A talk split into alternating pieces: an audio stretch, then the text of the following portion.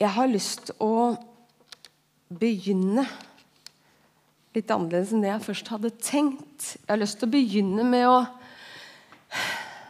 si noe om det fryktelige som skjedde her i eh, Europa på fredagen eh, med Paris.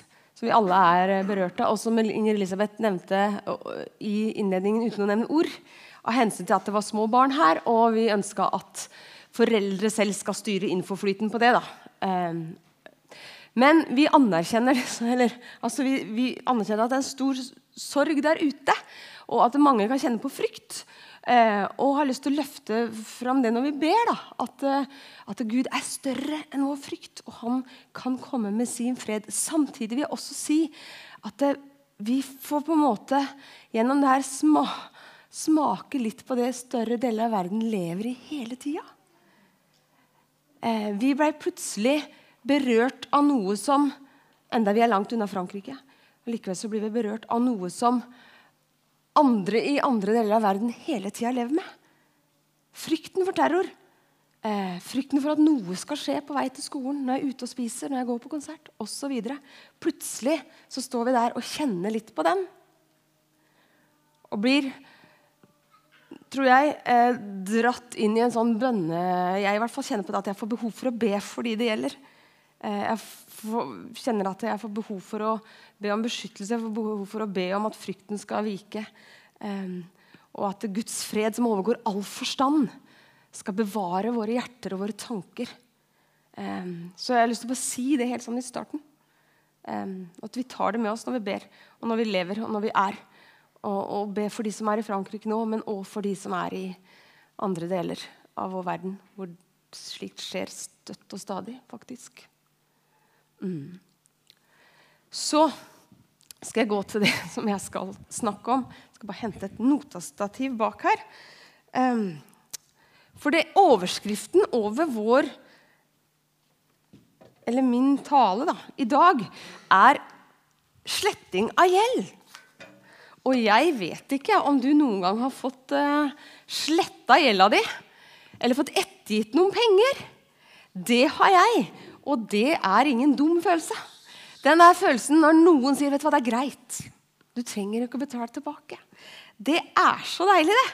Og litt av den samme følelsen kan skje hvis jeg får penger igjen på skatten. Er det noen som blir glad for det? Ja, Ikke fullt så festlig med det minuset foran når det skjer, for det jo hender jo. Men den der å få igjen, oh, det er så deilig. Eller det der å møte mennesker som er rause. De der menneskene som alltid har plass til en ekstra rundt bordet, som sier 'kom inn, da'. Det er plass til deg òg. Alltid plass til en ekstra rundt maten. Eller de menneskene som alltid har tid til den lille ekstra praten, som er så til stede når du møter dem, selv om de egentlig har dårlig tid. De som er rause, som har tid til det lille ekstra. De sprer godlukt rundt seg, på en måte. Um, eller ja, jeg har noen sånne folk i livet mitt. Og av og til så har jeg opplevd at de har vært på døra mi uten at jeg vet at de har vært der. Og jeg vet ikke hvem de er, men de har lagt igjen noe på trappa. Og så gir de meg noe godt å spise, noe godt å tenke på. Og så kjenner jeg meg oppmuntra. Sånne mennesker som er rause, som gir det lille ekstra. Det er så godt å møte de folka. Vi har de siste ukene snakka om en kar som heter Nehemja. En mann som eh, levde i eksil i Persriket. Og han eh, Nå forsvinner bildene mine her. Gjør de det? Hva skjer her, da? Hei. Benjamin, fikser du? Eller han står der. Ja. Oi, oi, teknikk, altså. Du kan jo dåne noen ganger. Men skal vi se om jeg får det til en gang til, da. Er du på, Nehemia?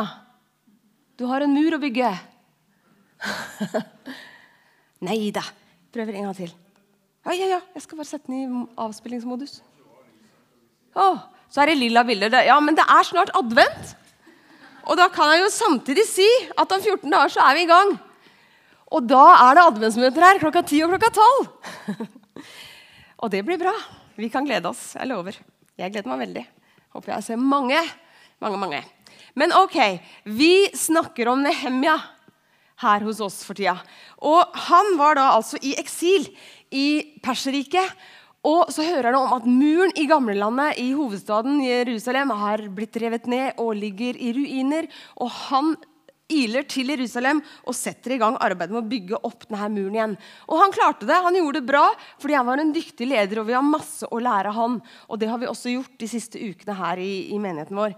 Um, det var ikke dermed sagt at alt gikk på skinner hele tida. Forrige uke så prekte Martin Daland om hvordan det var da motstanden kom. og Den talen kan du høre på podkast. Den ligger der ute under Skien misjonskirke. Eller på våre hjemmesider skienmisjonskirke.no. Der ligger også såkalte oppfølgingsark med noen spørsmål til det han sier. Hvis du har lyst til å følge litt opp og hjelpe deg sjøl til å huske litt mer og sånn, og tenke litt mer over de her tinga. Anbefaler det. Men i dag så vil jeg altså komme til kapittel 5 i boken om Nehemja. Og det som skjer her, eh, ikke før motstanden har lagt seg på utsida, så begynner det å koke i egne rekker. Det begynner å bli sånn indre stridigheter. Og jeg kunne hatt valgt å snakke om det i dag. Å snakke om indre stridigheter og konflikten, Men jeg skal ikke det. For hvis jeg går litt dypere ned i den materien Det som dukker opp da, det er raushet og sjenerøsitet. Og det er det jeg skal snakke om i dag. Om raushet og sjenerøsitet. Da Gud begynte å danne sitt folk, israelsfolket, så var det nødvendig å lage noen sett med regler og lover for å hjelpe dem til å bli et folk. De bodde i et område hvor det var mange andre folk også. og det var ganske rått samfunn faktisk å bo i og være en del av. Det var temmelig fritt fram med tanke på utbytting, utnytting av mennesker. Um, og menneskelivet var ikke nødvendigvis så mye verd. Ei heller annen manns eiendom. Og så sliter jeg en del når jeg leser om en del av de fortellingene fra Gammeltestamentet. Jeg syns det er så rått og så brutalt. Og jeg tenker at åh, inn i vår kontekst så blir det sånn her å lese. Så tenker jeg nå, da etter fredagen som sagt, at det, vi er kanskje ikke så veldig mye bedre i dagens samfunn. Vi er kanskje akkurat like rå og brutale nå som da. Vi trenger akkurat like mye Guds bud og rammer og regler for livet våre som de gjorde da. Fordi at vi klarer ikke helt det her greiene sjøl. Vi spiller dårlig det her gamet, rett og slett. Eh, og vi trenger noen lover og noen rammer rundt oss. Og jeg tenker Det er det som var Guds store hensikt da han begynte å, å ehm, gjøre, gi folket sitt noen bud og regler. Og Det første jeg tenker at han gjorde det for, var for å gjenopprette relasjonen til seg. Han ville at folket sitt skulle ha en god relasjon til seg. Han ville at folket sitt skulle være sammen og ha fellesskap med ham som hadde skapt dem. Dernest så ønska han at de skulle ha det best mulig sammen. De skulle ha en god relasjon til hverandre. Og Det er som om jeg hører sånn ekko av Jesus når han mange hundre år seinere forteller hva som er summen av loven, når de spør hva er det viktigste budet. Og han oppsummerer loven og sier du skal elske Gud, og du skal elske din neste. Det er det viktigste med loven. En annen ting som var Eller loven var også Si det, de folka som var rundt Israels folk den gangen, for dem så var det helt naturlig å bl.a. ofre barn for å blidgjøre gudene. Og det ville ikke Gud ha noe av. Så det er strengt forbudt i loven ifra Gud å, ofre noen som helst. Mennesker skal ikke ofres, for menneskelivet er ukrenkelig da som nå.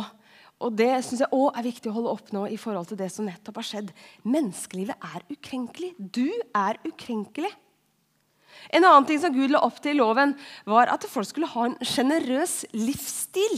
Og Det viser seg bl.a. med det som kalles for sabbatsår, og innimellom jubelår. Sabbatsår har du kanskje hørt om. Det kom hvert sjuende år. Og det som er så morsomt, da De skulle ikke dyrke jorda hvert sjuende år. De skulle la jorda ligge brakk sånn at fattigfolk kunne benytte seg av den. Og så skulle de slette all gjeld hvert sjuende år. Det høres jo fryktelig deilig ut. gjør det ikke det? Hvert år skulle all gjeld bli sletta. Og ikke nok med det. Renter skulle ikke bli tatt heller i løpet av lånetida. Det er nesten som i Norge nå, for det er så lav rente. Eh, men så var det hvert sjuende sabbatsår. Så er det altså hvert, Når det har gått 49 år, så har vi det 50. året. Da er det jubelår. Og da vil jubelen ingen ende ta. For ikke nok med de tinga jeg nevnte nå, så skal også alle fanger bli satt fri. faktisk. Hvert jubelår. Og folk skulle få tilbake det de hadde solgt. Det ble også kalt frigivelsesår eller et nådens år. Eh, og så kan du tenke, Skal de få tilbake alt de har solgt? Det var det fryktelig urettferdig. Men så var det sånn at eh, når du kjøpte en eiendom, så kjøpte du ikke for støl, eller du betalte ikke for stølstaden, men du betalte for hvor mange avlinger det var igjen, igjen til neste gang det skulle fries. Så det var egentlig ganske rettferdig. De fikk egentlig Ja, ikke sant. Så jubelår, det var juhu, altså. Da var det bra greier. Det sto i taket. Og jeg tenker, Hvorfor la du det opp til sånn, Gud? tenker jeg. Hvorfor skulle du liksom nullstille økonomien sånn med jevne mellom? Hva var greia? Så Jeg tenker at eh, jeg tror at en greie var å forhindre fattigdom. Tror han ville forhindre gjeldsslaveri. Og så tror jeg han ville forhindre materialisme. Jeg tror han ville forhindre at folk skulle bli så bindet opp i alt det de eide og hadde, eh, at han ville la det liksom slippe noen ganger. Eh, og med det så ville han legge opp til en sjenerøs livsstil, tenker jeg. Um, når jeg har jobba med denne talen, her, så har jeg tenkt veldig på en mann i Det nye testamentet som levde sånn 400-500 år etterpå sammen med Jesus. Han kjente Jesus sånn litt på avstand, uh, men han uh, hadde nok betrakta ham en stund. og han hadde nok beundra han ganske mye. Men en dag så kommer han da til Jesus, og han er veldig rik. Veldig rik han. Så rik at han har alt han eier, og han har levd ganske prikkfritt. Han, han, har levd helt perfekt, faktisk. Han har holdt alle budene i loven, sier han. Og skal du gjøre det, da skal du leve nøye. Eh, så kommer Jesus og spør hva skal jeg gjøre for å få evig liv. Han lurer på noe som folk fortsatt lurer på. Hva skal jeg gjøre for å få evig liv? Jeg vil leve evig. Jeg vil være evig ung. Hvordan kan jeg ha det her for alltid? Og så svarer Jesus ham på en måte som gjør at han blir helt satt ut på en måte som gjør at han faktisk går bedrøvet bort. For Jesus sier, 'Vet du hva? Du skal selge alt du eier, og så skal du gi det til de fattige.' Mannen klarte ikke det.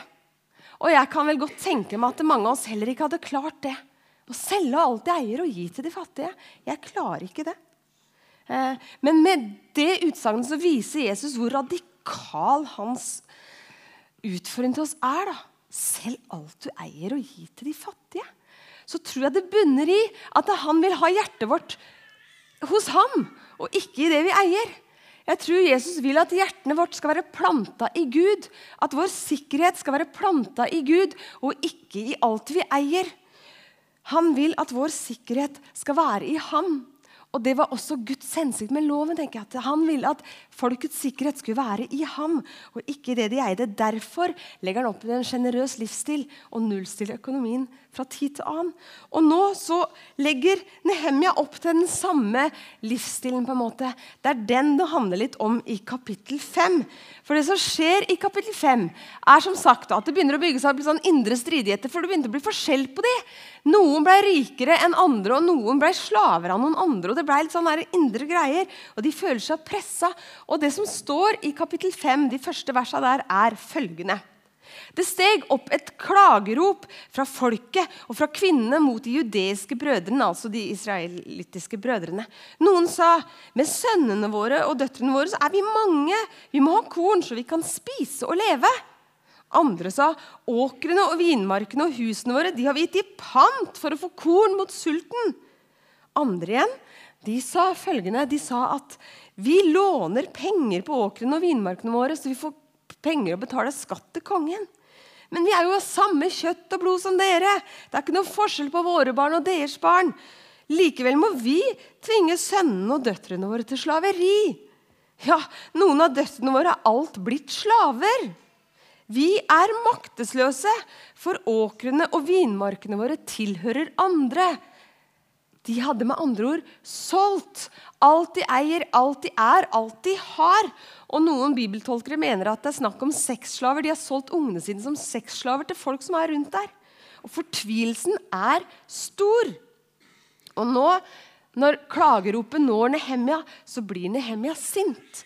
For han har nemlig nylig kjøpt fri folket sitt fra de omkringliggende folkeslagene. Han har kjøpt de fri og gjort de fri.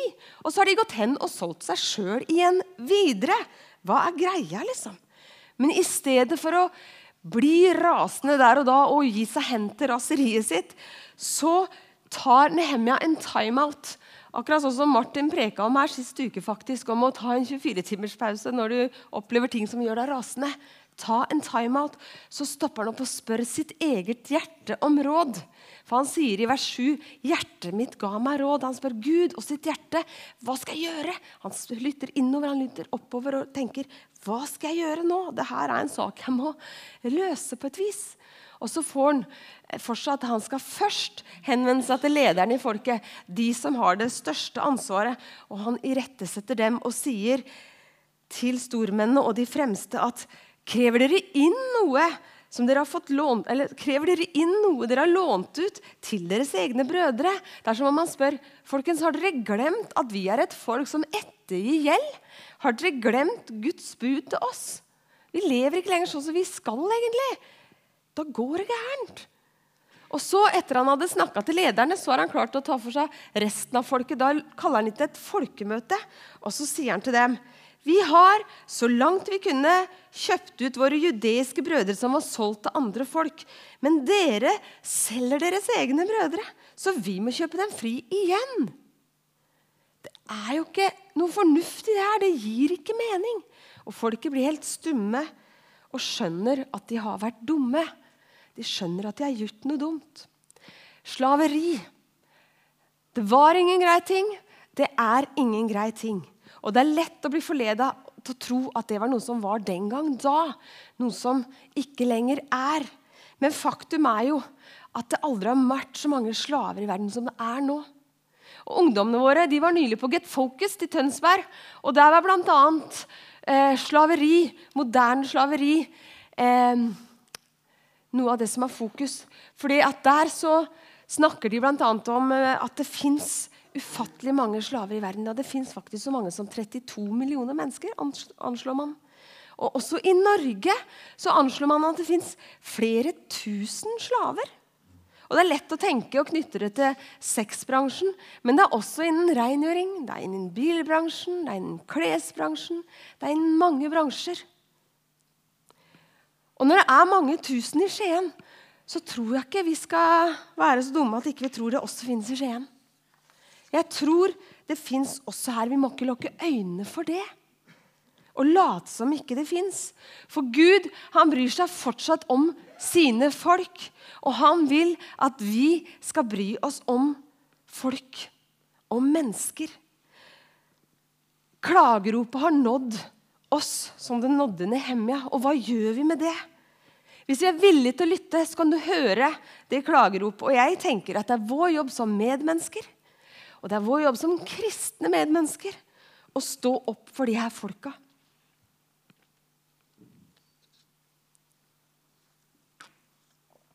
Slaver. Men vet du hva? Det fins kanskje slaver her i det rommet vi er nå også. Du kan være slave. Du kan være slave av mange ting. Gjeld. Du kan være slave av frykt. Du kan være slave av folks forventninger til deg, eller kanskje egne forventninger til deg sjøl. Du kan være slave av dårlige relasjoner eller fortida di, framtida di. Det er så mange ting vi kan være slave av. Men da som nå så er du faktisk kjøpt fri. Enten du vet det eller ikke, så har Jesus, Guds egen sønn, kjøpt hver av oss som sitter her, og som ikke sitter her, fri fra hva det enn måtte være. Han har kjøpt deg fri fordi han elsker deg. Men så skjer det ting i livet våre som gjør at du kanskje aldri har hørt om det. Eller at du har glemt det bort. Og så har du latt deg på en måte binde igjen av en ny slavedriver. For Jesus han har først kjøpt deg fri fra den ytterste slavedriveren. Den onde sjøl som ønsker å ha kontroll over oss.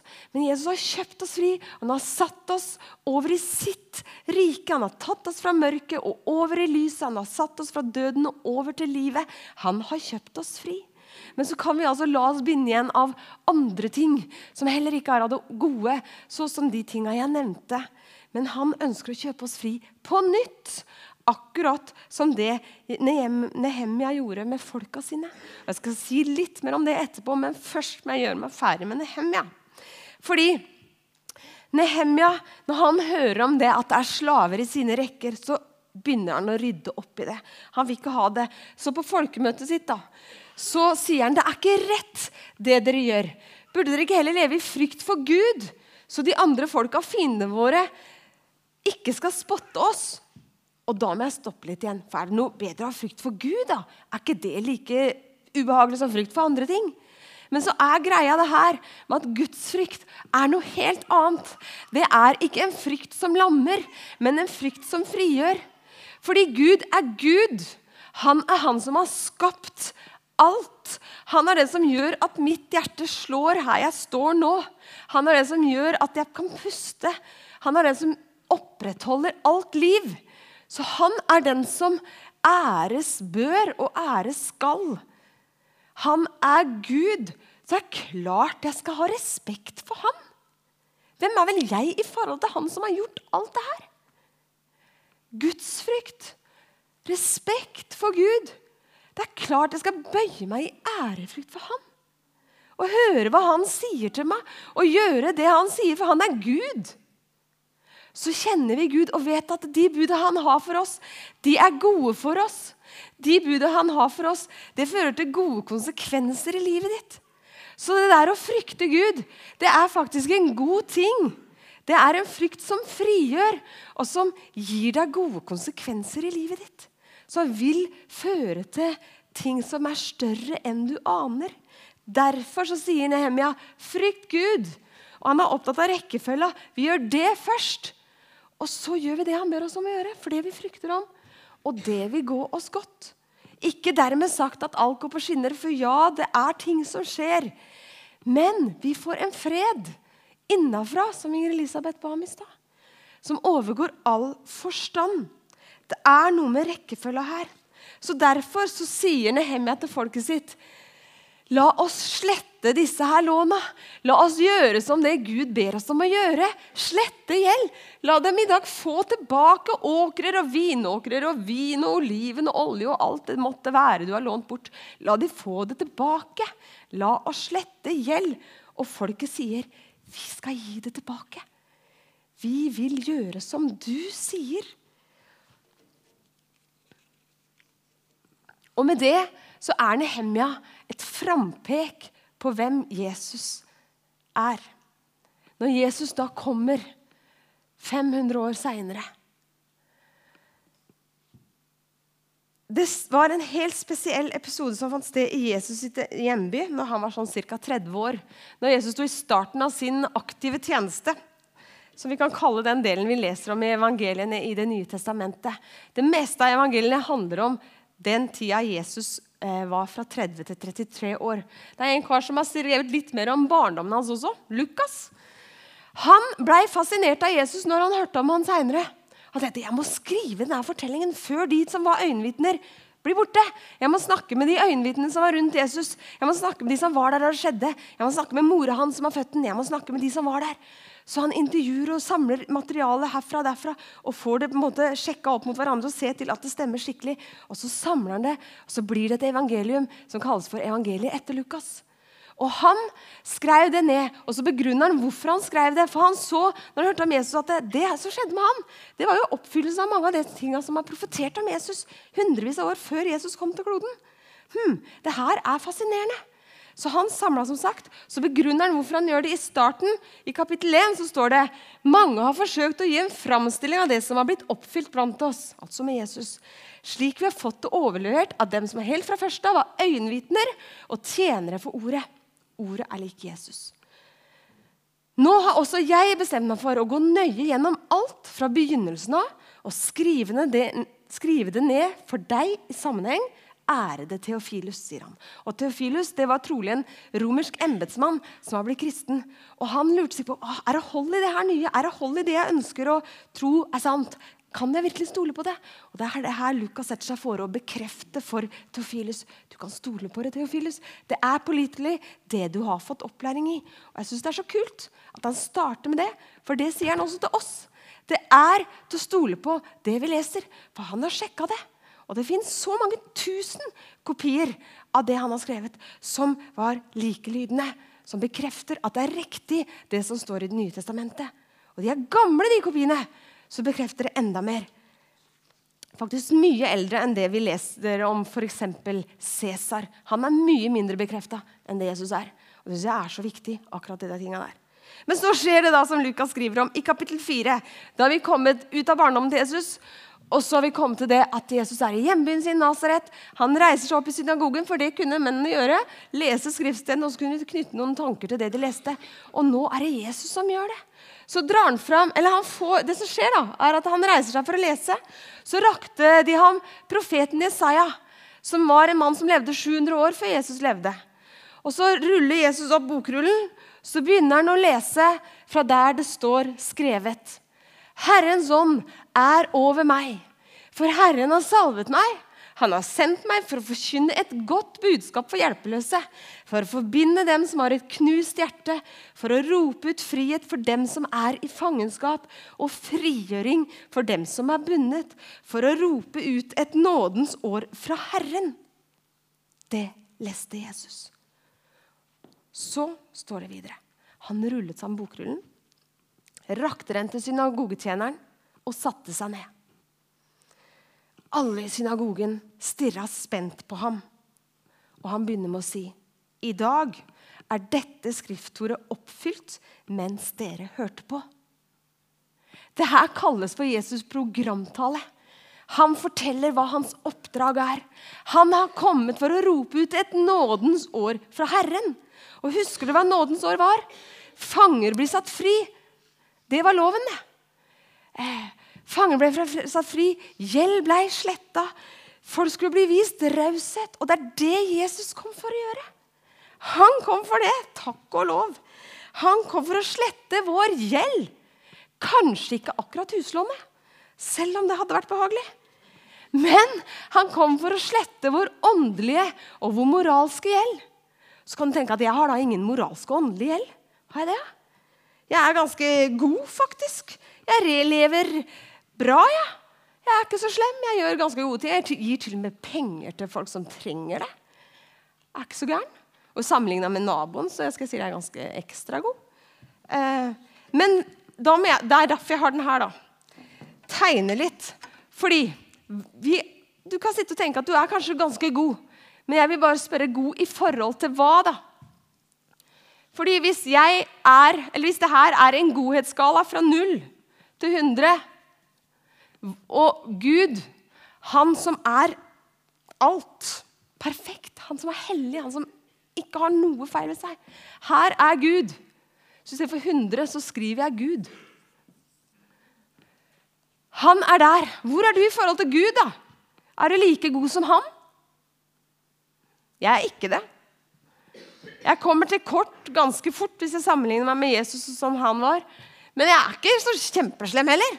Ja, så jeg kan jo putte meg sjøl kanskje sånn midt på treet, eller? Ja, Er det greit? Sånn cirka der. Um, hvis vi skal ta Martin, da. Er han henne i forhold til meg? Er han litt snillere? Jeg tror han er litt snillere enn meg. Jeg setter, der, skal jeg se, litt på linje, med er litt bedre enn meg, da. Han er litt snillere enn meg. Uh, litt. Ikke mye. Eller moder Teresa, da. Hun er ganske god. Men selv hun sa ja, Hun sa at hun langt fra nådde opp. Jeg tror faktisk hun sjøl hadde satt seg ganske lavt. Men spør du meg, så var moder Teresa ganske mye bedre enn meg. Og også bedre enn Martin, faktisk. Men uh, hun var fortsatt et syndig menneske som kommer til godt kort i forhold til Gud. Uansett hvor vi setter oss selv, så blir det ei glipe her. Enten den er liten eller stor. Vi står i gjeld i forhold til Gud. Og det er da Jesus kommer inn. vet du. Så sier han, vet du hva, den gjelda der Samme hvor stor den er, uansett hvor stor den er, den gjelda tar jeg. Jeg sletter den, så legger vi den her. Så du kan stå i rett forhold til Gud. Så du kan komme og ha en relasjon til Gud. Og den gjelda der, uansett hvor stor eller liten, den har jeg nagla fast på korset, sånn at den er glemt, sletta, borte, brent bort, vekk, evig og alltid. Du kan, hvis du vil, stå i et rett forhold til Gud og være hellig, ren, rettferdig, himmelen verdig. Er ikke det bra? Han kom for å rope ut et nådens år, ikke for å dømme, ikke for å røve, men for å sette fri og for å gjøre deg fri. Både i forhold til den åndelige gjelda vår, så vi kan få et evig liv, men også i forhold til det som binder hver eneste dag. I forhold til frykt, i forhold til dårlige relasjoner, hva det enn måtte være av slaveri du har i livet ditt. Han har kommet for å sette deg fri. Fortellingen om Nehemia, Nehemia den er et frampek på Jesus. Så kan du og jeg leve et liv som er et pek tilbake på Jesus. Som kan vitne om hva Jesus har gjort. Og det er det jeg ønsker å være her jeg står akkurat nå. Jeg ønsker å være en som peker tilbake til akkurat det punktet her. Om at vi er gjort rett i stand i forhold til Gud. Jeg ønsker å peke med livet mitt tilbake på han. Jeg ønsker å gi av den nåden jeg sjøl har fått. Jeg ønsker å være med på å slette de låna med måten jeg lever på. Jeg ønsker å vise den nåde jeg sjøl har fått, til andre, så at flere kan få se at den nåden Jesus kommer med, den gjelder enhver. Du kan være med på det. Så sa jeg at Nehemia starta fortellingen sin med en mur som det var gått hull i, som begynte å ramle sammen. Og så kan du jo tenke at hva har det her jeg sier nå, med muren å gjøre? Vet du hva, Det har alt med muren å gjøre. For det er der det begynner. Muren har slått sprekker. Muren er i ferd med å ramle. Og Hvis vi tenker menighetsfolk eh, Hvis vi tenker Guds familie Hvis vi tenker de som tror på Jesus, menigheten, den globale, som en mur så har det falt ut steiner. Det er mange som ikke tror på Jesus i dag. Det er mange steiner som har blitt borte. Jeg tror at alle har en plass i den muren. Jeg tror at Gud vil at alle steiner skal opp på plass i den muren. Enten de ser sånn ut eller sånn ut eller sånn ut. Jeg tror at han vil at alle skal ha plass i den muren. Og jeg tenker at eh, vi som tror på Jesus Kristus, da, vi som har opplevd at han er Guds sønn, og vi som holder det for sant, vi kan bety noe i den forskjellen her og få folk til å se mer at han er Guds sønn. At han er til å stole på, at han er levende. Og så kan jo du tenke da at er det ikke det samme at folk, hva folk tror? Kan ikke tro på hva de vil. Må slappe av, liksom. Herlighet, er det så farlig?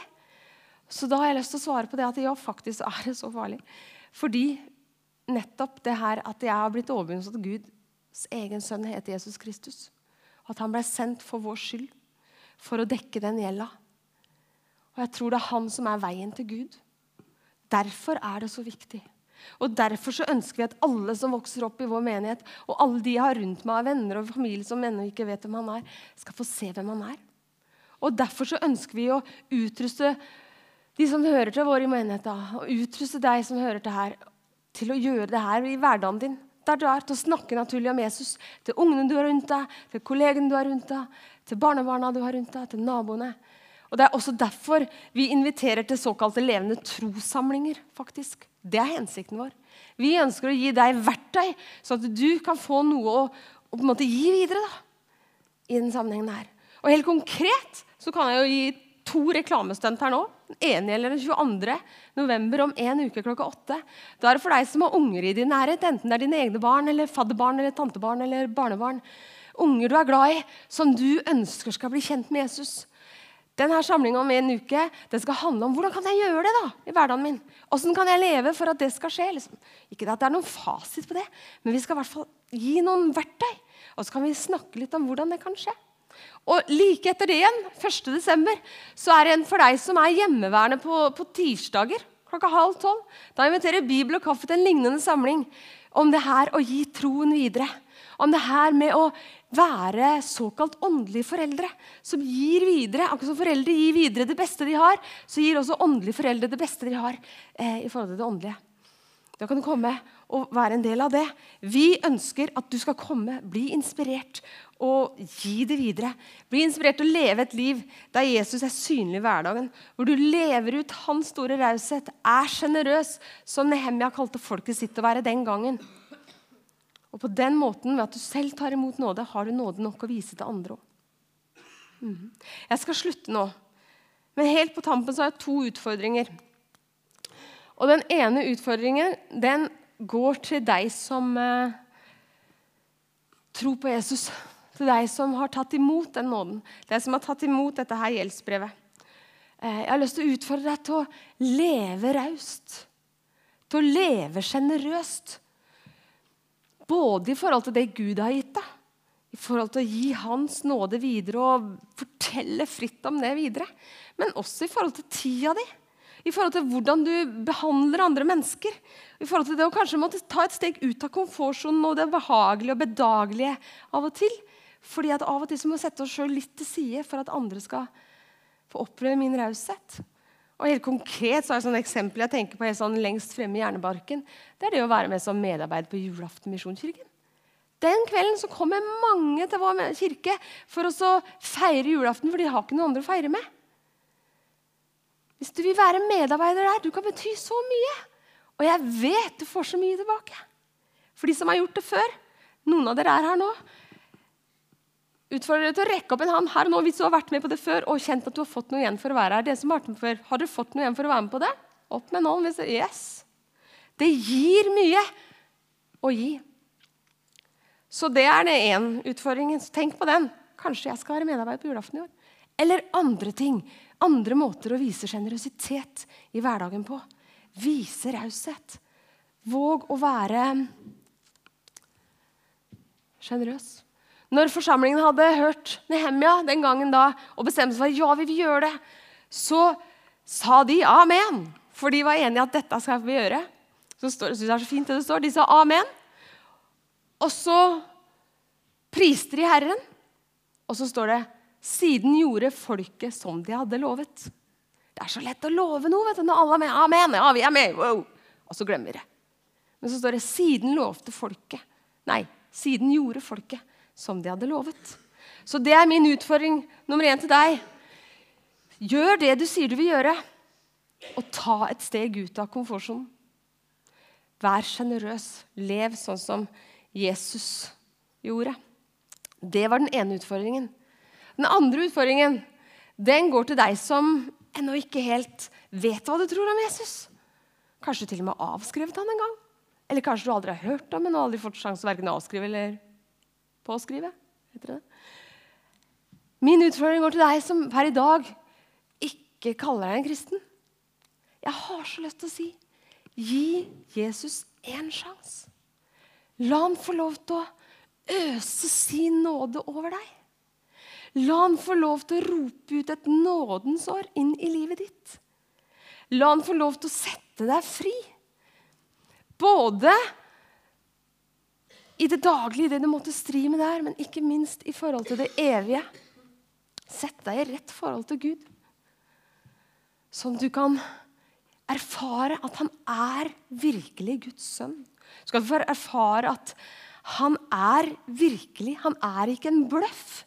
Han er altså Sånn som Lukas skrev, det er pålitelige ord. Det du har fått opplæring i. Han er til å stole på. Han er Guds sønn. Jeg har så lyst til å si gi ham en sjanse.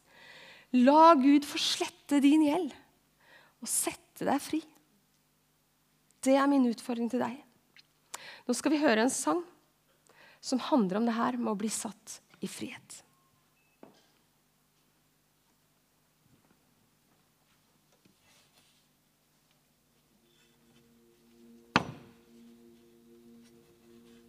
You unravel me with a melody. You surround me with a song of deliverance from my enemies till all my fears have gone.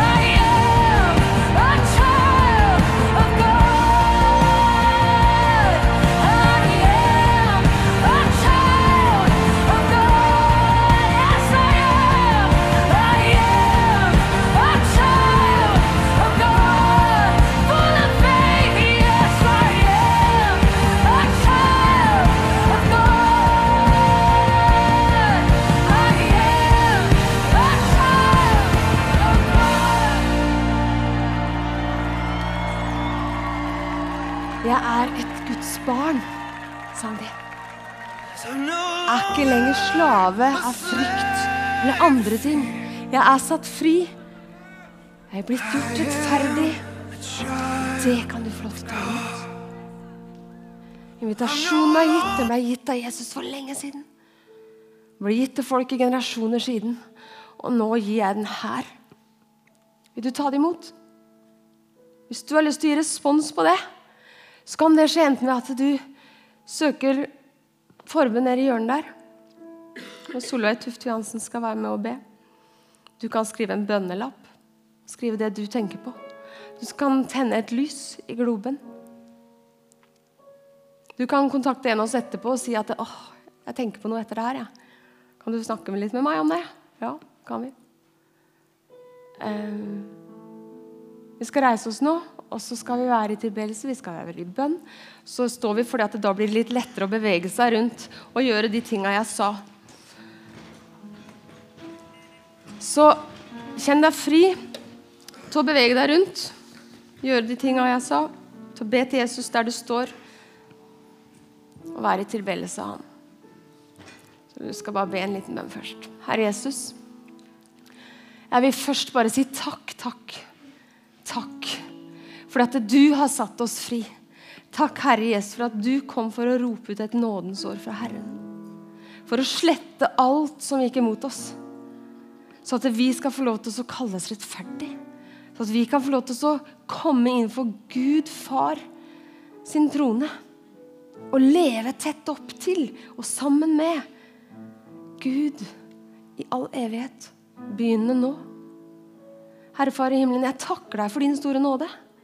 Takk for at du ser på oss med så kjærlige øyne at ikke vi kan forestille oss det. Helligånd, jeg ber at du skal lyse det opp inni oss lyst opp for oss, så vi ser hva vi har i deg.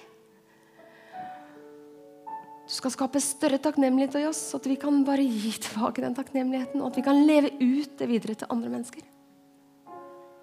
Du har kalt oss til det, Herre Jesus. Jeg ber om at vi skal svare på det kallet ditt. Herre Jesus, jeg takker deg. Så gir jeg deg den stunden som er nå. Jeg ber Helligånd om at du skal røre hjerter, og at du skal være her og snakke til oss. I Jesu navn.